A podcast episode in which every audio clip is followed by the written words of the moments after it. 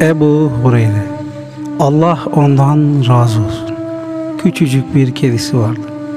Ebu Hureyre lakabını o yüzden almıştı. Derdi ki o kimseler ki inzal eylediğimiz hidayet ve beyinelerimizi gizlerler. Bakara suresi 152. ayeti kerimesi inmemiş olsaydı size hiçbir şey söylemezdim. Peygamber sallallahu aleyhi ve sellem Efendimizin ashabı arasına karışmadan önce halka karın tokluğuna hizmet ederdi. Kimseden hiçbir şey istemezdi. Her gün 12 bin tesbih duası okurdu. Soranlara şöyle derdi. Günahım kadar tesbih ediyorum. Bir defa carisi yanlış bir iş yaptı. Kamçıyı vurmak için kaldırdı fakat vurmadı. Şöyle dedi. Eğer kısas korkusu olmasaydı seni sızlatırdım. Canını yakmayacağım. Seni değerini verene satacağım. Git artık. Allah rızası için hüsn. Hanımı hizmetçisi kendisi. Geceyi üçe bölmüşler. Sıra ile gece ibadetine kalkarlardı. Biri bitirince öbürünü, o bitirince de diğerini uyandırır.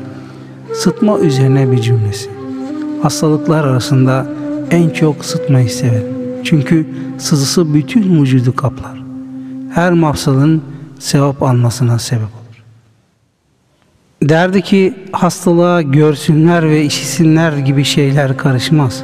O tahammül edene mükafatlarla dolur. Abdülkadir Geylani Hazretleri de hastalığı üçe böler. Ceza, kefaret, derece almak. Ceza sert ve sabırsız kimseye. Kefaret haline razı olup sabırlı olun. Derece almak hastalıktan sonra içi ferahlayana, bütün halinde Allah'ın emrine boyun eğip razı olana. Vefatı yaklaştığı zaman ağlamaya başladı. Sebebini sordular. Şöyle anlattı. Ağlıyorum çünkü yolum uzun. Azım az. Aniden gözüm açılacak fakat nerede? Cennette mi yoksa ateşte mi? Hangisi beni kapacak bilemiyorum.